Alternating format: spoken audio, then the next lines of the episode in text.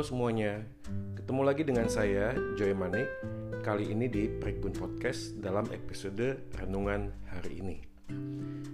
Bapak Ibu dan jemaat sekalian, teman-teman pendengar apa kabar? Saya berharap semuanya dalam keadaan yang baik-baik saja.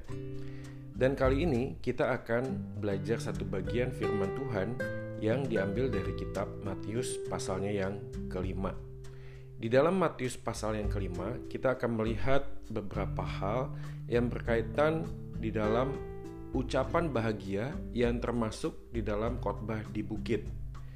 Teman-teman pendengar, kali ini kita akan coba untuk melihat rangkaian khotbah yang disampaikan oleh Tuhan Yesus, khususnya di dalam konteks ucapan bahagia. Saya akan mulai membacakan pasal yang kelima ayat 1 dan ayatnya yang kedua. Demikianlah firman Tuhan. Ketika Yesus melihat orang banyak itu, naiklah ia ke atas bukit dan setelah ia duduk, datanglah murid-muridnya kepadanya. Maka Yesus pun mulai berbicara dan mengajar mereka katanya.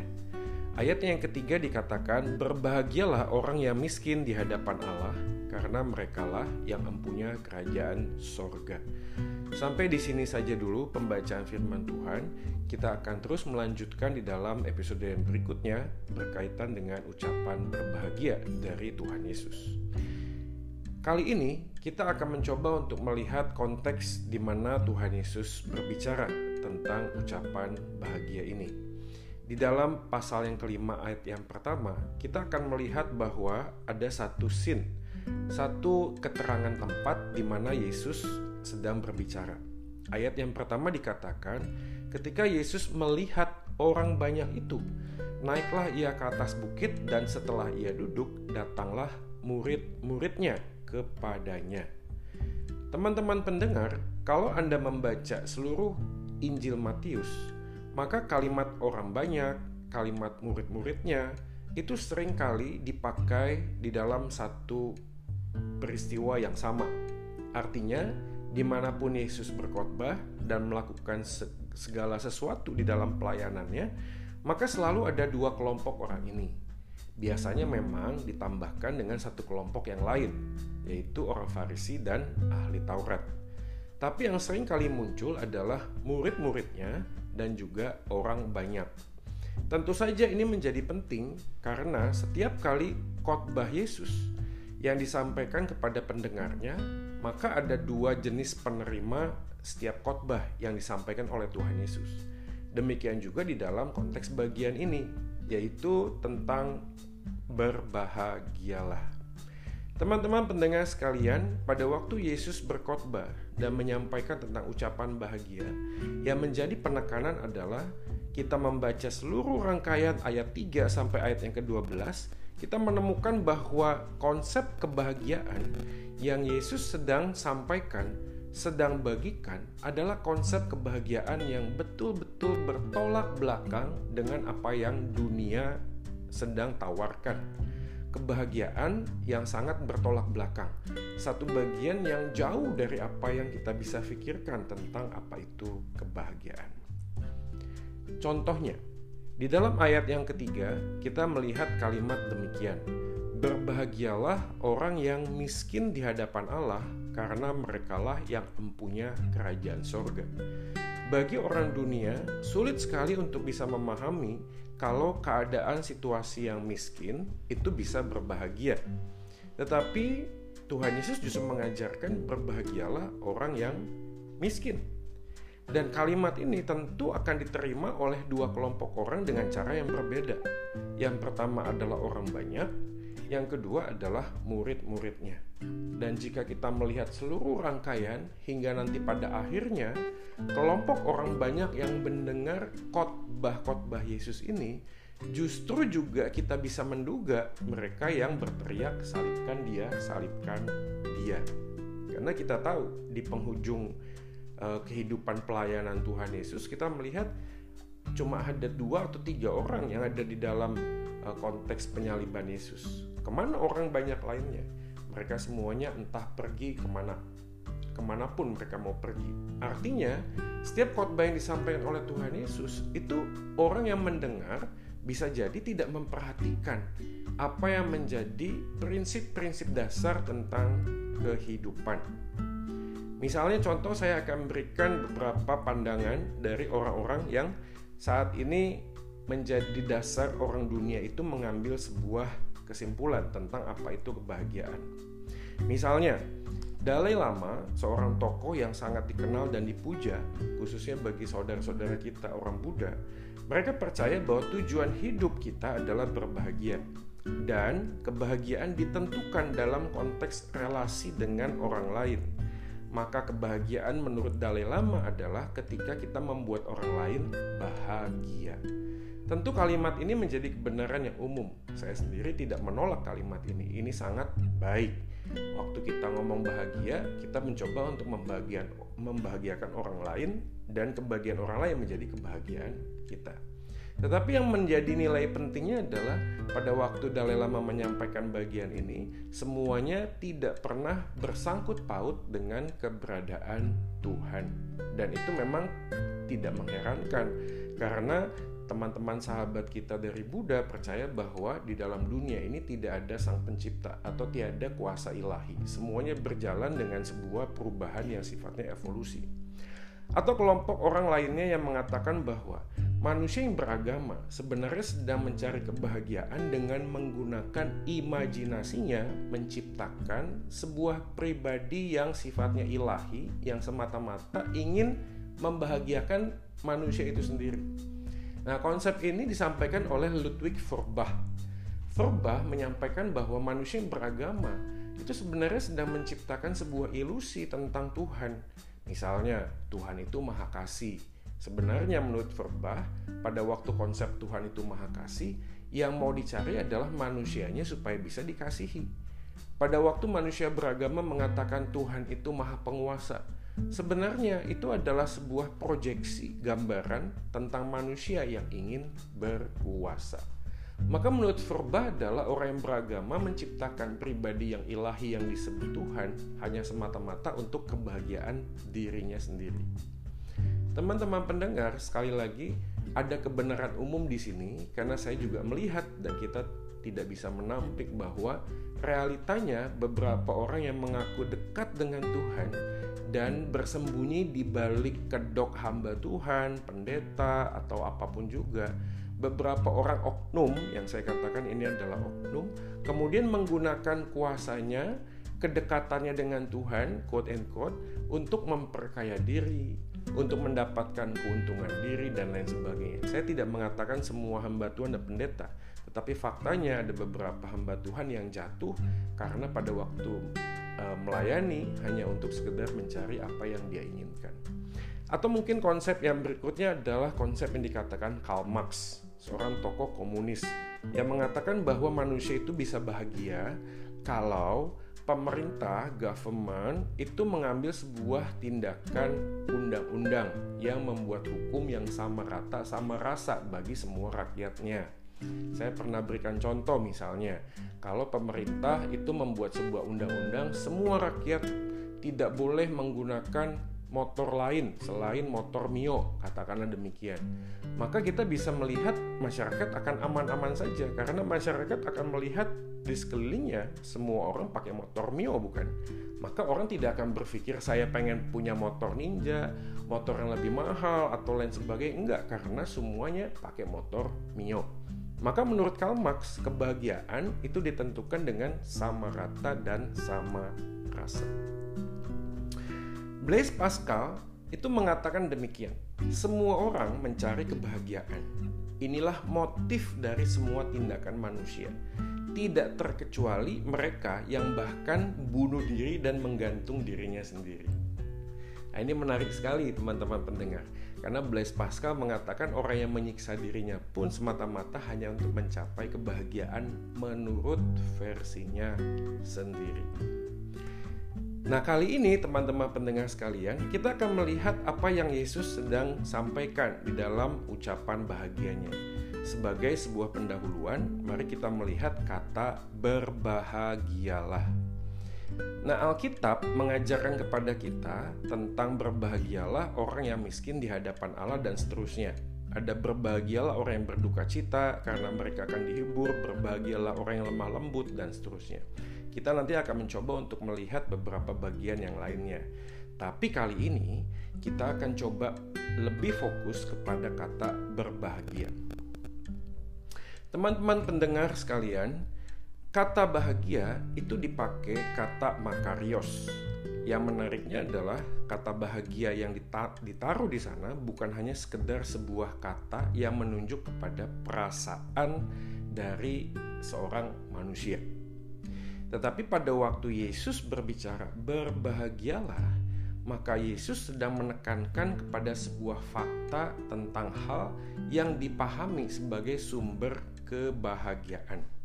Jadi, kata makarios merupakan titik temu antara perasaan bahagia seorang manusia dengan sebuah fakta rohani yang dipahami sebagai sumber kebahagiaan tersebut. Saya ulangi, makarios kata bahagia adalah titik temu antara sebuah perasaan bahagia yang dialami oleh seseorang yang muncul dari fakta-fakta rohani yang pernah dimengerti dan dipahami oleh orang tersebut. Jadi Yesus sedang berbicara tentang sebuah bagian yang penting sekali di dalam konsep bahagia, yaitu kebahagiaan bukan hanya sekedar sebuah perasaan tertentu, tapi kebahagiaan itu bersangkut paut dengan sangat kuat terhadap fakta-fakta teologis. Jadi begini, teman-teman pendengar sekalian. Iman yang benar itu jauh lebih penting daripada iman yang besar. Karena sebesar apa pun iman kita, kalau tidak bersandar kepada fakta-fakta rohani yang benar, maka apa pun yang kita alami, kita pasti akan tergoncang. Saya ulangi sekali lagi, teman-teman pendengar sekalian, iman yang benar itu jauh lebih penting daripada iman yang besar. Karena sebesar apa pun iman kita, kalau apa yang kita pahami tentang kepercayaan yang kita yakini itu salah, maka apa pun yang kita sedang alami, kita tidak akan menemukan kebahagiaan kita yang sejati.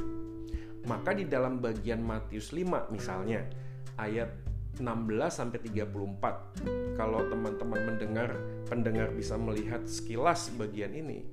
Yesus sedang bicara tentang hal kekhawatiran. Nah, waktu Yesus bicara tentang hal kekhawatiran, ayat 33 menjelang penutup, Yesus bicara, "Tetapi carilah dahulu kerajaan Allah dan kebenarannya." Maka fakta teologis, fakta rohani tentang kebenaran Allah dan kerajaannya itu bersangkut erat dengan rasa khawatir. Jadi artinya orang yang selalu khawatir dalam hidup itu, dalam hidupnya adalah kemungkinan besar orang yang tidak sedang mengejar kerajaan Allah. Saya bukan ngomong orang yang mengejar kerajaan Allah tidak khawatir. Ada juga kekhawatiran, tetapi iman yang benar itu akan mengarahkan dia untuk melihat bahwa ada yang lebih utama ketimbang membangun kerajaan manusia di dunia.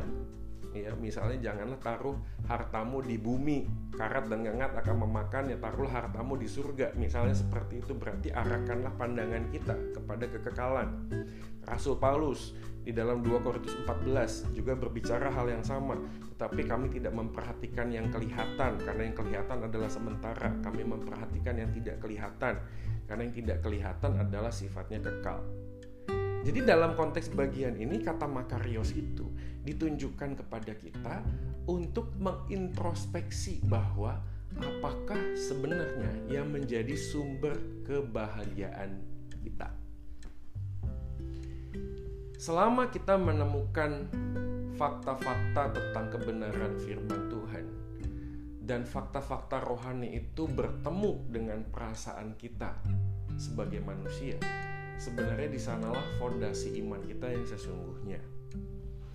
Nah, di dalam kita mengiring Tuhan, kita akan menemukan banyak sekali pergumulan yang kita hadapi khususnya di dalam menjalani situasi di rumah saja COVID-19 ini.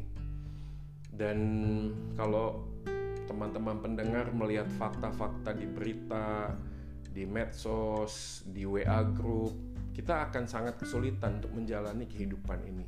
Sulit sekali untuk kita bisa menemukan kebahagiaan di tengah fakta-fakta realita kehidupan di tengah dunia ini. Tapi hari ini, renungan hari ini mengajak kita untuk melihat bukan hanya sekedar apa yang menjadi fakta di dalam realita hidup, tapi juga melihat fakta rohani, fakta kebenaran firman Tuhan yang memberikan penegasan, memberikan kepada kita kekuatan, bahkan juga sumber penghiburan bahwa bahagia yang sejati itu mungkin terjadi di dalam kehidupan kita manakala kita melihat Yesus adalah kebenaran yang memegang segala sesuatu yang terjadi di dalam dunia ini. Di dalam podcast yang kali ini, di dalam renungan hari ini, saya mengajak teman-teman pendengar sekalian untuk merenungkan apakah yang menjadi sumber kebahagiaan kita. Selama kita menemukan fakta-fakta rohani di dalam kebenaran firman Tuhan, dan tidak hanya berhenti di dalam pengetahuan kita, tapi juga bertemu dengan perasaan kita sebagai seorang manusia. Maka pada saat yang sama iman kita semakin bertumbuh, semakin hari semakin mengasihi dan mencintai Tuhan. Ingat, Tuhan tidak hanya mampu membuat badai menjadi tenang, tapi dia juga mampu membuat kapal yang kuat untuk mengarungi badai yang mungkin belum menjadi tenang. Kiranya Tuhan Yesus memberkati kita sekalian. Kami, tim hamba Tuhan, selalu berdoa damai sejahtera dan kebahagiaan sejati menjadi bagian kita menjalani hidup hari demi hari demi hari dan melihat bahwa Tuhan sudah ada di garis finish dan mengerjakan segala sesuatu dengan sangat baik dan kita bisa mengatakan bagimu segala puji hormat kemuliaan dan syukur Soli Dio Gloria segala kemuliaan hanya bagi Kristus Tuhan kita. Kiranya penebusan Kristus yang menebus dosa kita bangkit dan naik ke surga menjadi motivasi kita untuk menemukan kebahagiaan yang sejati di dalam kita menjalani kehidupan di tengah-tengah situasi yang sulit ini. Amin.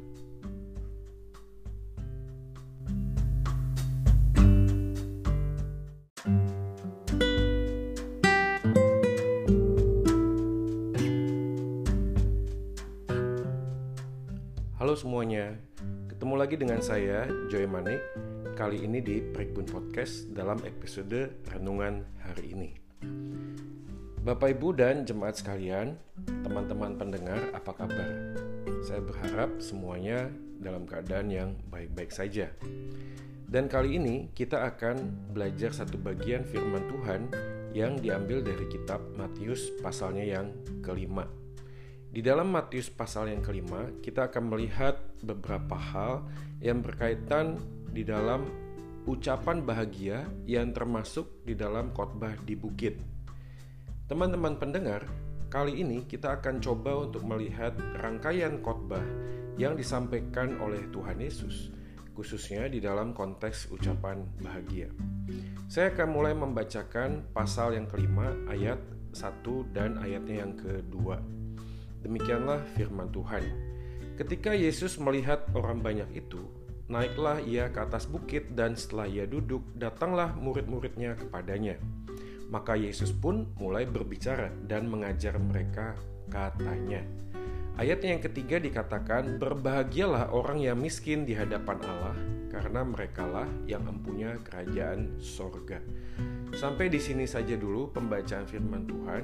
Kita akan terus melanjutkan di dalam episode yang berikutnya berkaitan dengan ucapan berbahagia dari Tuhan Yesus.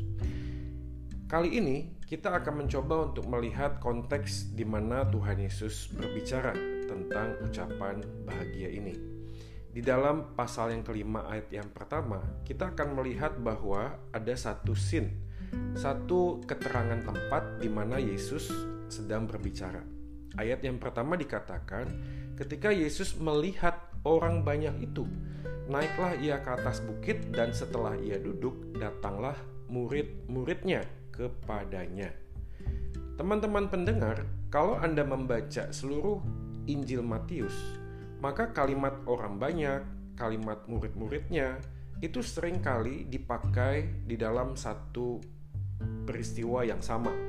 Artinya, di mana pun Yesus berkhotbah dan melakukan segala sesuatu di dalam pelayanannya, maka selalu ada dua kelompok orang ini. Biasanya memang ditambahkan dengan satu kelompok yang lain, yaitu orang Farisi dan ahli Taurat. Tapi yang sering kali muncul adalah murid-muridnya dan juga orang banyak. Tentu saja ini menjadi penting karena setiap kali khotbah Yesus yang disampaikan kepada pendengarnya, maka ada dua jenis penerima setiap khotbah yang disampaikan oleh Tuhan Yesus. Demikian juga di dalam konteks bagian ini, yaitu tentang berbahagialah.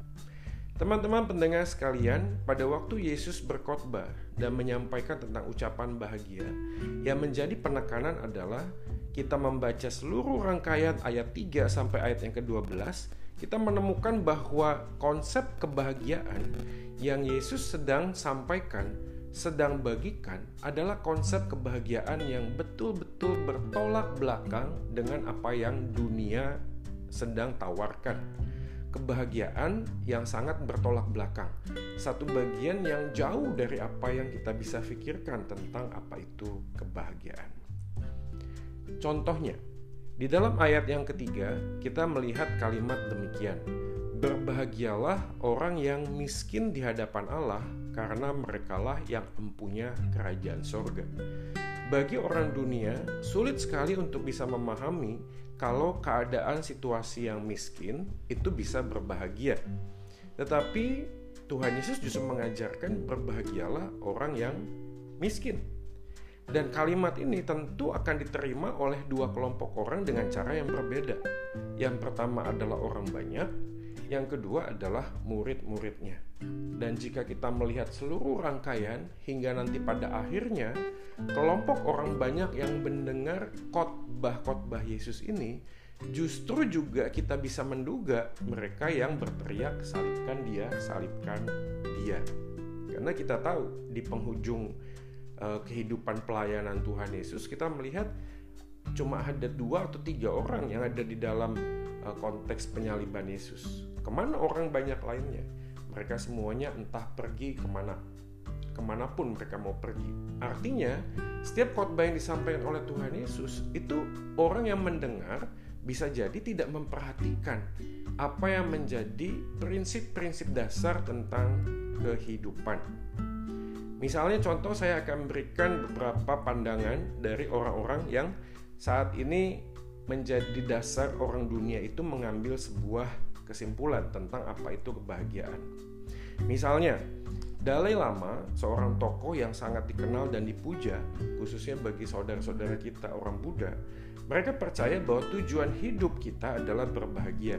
Dan kebahagiaan ditentukan dalam konteks relasi dengan orang lain maka kebahagiaan menurut Dalai Lama adalah ketika kita membuat orang lain bahagia. Tentu kalimat ini menjadi kebenaran yang umum. Saya sendiri tidak menolak kalimat ini. Ini sangat baik. Waktu kita ngomong bahagia, kita mencoba untuk membahagiakan orang lain dan kebahagiaan orang lain menjadi kebahagiaan kita. Tetapi yang menjadi nilai pentingnya adalah pada waktu Dalai Lama menyampaikan bagian ini, semuanya tidak pernah bersangkut paut dengan keberadaan Tuhan. Dan itu memang tidak mengherankan karena teman-teman sahabat kita dari Buddha percaya bahwa di dalam dunia ini tidak ada sang pencipta atau tiada kuasa ilahi. Semuanya berjalan dengan sebuah perubahan yang sifatnya evolusi. Atau kelompok orang lainnya yang mengatakan bahwa manusia yang beragama sebenarnya sedang mencari kebahagiaan dengan menggunakan imajinasinya menciptakan sebuah pribadi yang sifatnya ilahi yang semata-mata ingin membahagiakan manusia itu sendiri. Nah, konsep ini disampaikan oleh Ludwig Feuerbach. Feuerbach menyampaikan bahwa manusia yang beragama itu sebenarnya sedang menciptakan sebuah ilusi tentang Tuhan Misalnya, Tuhan itu maha kasih. Sebenarnya menurut Verbah, pada waktu konsep Tuhan itu maha kasih, yang mau dicari adalah manusianya supaya bisa dikasihi. Pada waktu manusia beragama mengatakan Tuhan itu maha penguasa, sebenarnya itu adalah sebuah proyeksi gambaran tentang manusia yang ingin berkuasa. Maka menurut Verba adalah orang yang beragama menciptakan pribadi yang ilahi yang disebut Tuhan hanya semata-mata untuk kebahagiaan dirinya sendiri. Teman-teman pendengar, sekali lagi ada kebenaran umum di sini karena saya juga melihat dan kita tidak bisa menampik bahwa realitanya beberapa orang yang mengaku dekat dengan Tuhan dan bersembunyi di balik kedok hamba Tuhan, pendeta atau apa pun juga. Beberapa orang oknum yang saya katakan ini adalah oknum kemudian menggunakan kuasanya kedekatannya dengan Tuhan quote and quote untuk memperkaya diri untuk mendapatkan keuntungan diri dan lain sebagainya. Saya tidak mengatakan semua hamba Tuhan dan pendeta tetapi faktanya ada beberapa hamba Tuhan yang jatuh karena pada waktu e, melayani hanya untuk sekedar mencari apa yang dia inginkan atau mungkin konsep yang berikutnya adalah konsep yang dikatakan Karl Marx seorang tokoh komunis yang mengatakan bahwa manusia itu bisa bahagia kalau pemerintah, government itu mengambil sebuah tindakan undang-undang yang membuat hukum yang sama rata, sama rasa bagi semua rakyatnya. Saya pernah berikan contoh misalnya, kalau pemerintah itu membuat sebuah undang-undang, semua rakyat tidak boleh menggunakan motor lain selain motor Mio, katakanlah demikian. Maka kita bisa melihat masyarakat akan aman-aman saja karena masyarakat akan melihat di sekelilingnya semua orang pakai motor Mio bukan? Maka orang tidak akan berpikir saya pengen punya motor Ninja, motor yang lebih mahal atau lain sebagainya enggak karena semuanya pakai motor Mio. Maka menurut Karl Marx, kebahagiaan itu ditentukan dengan sama rata dan sama rasa.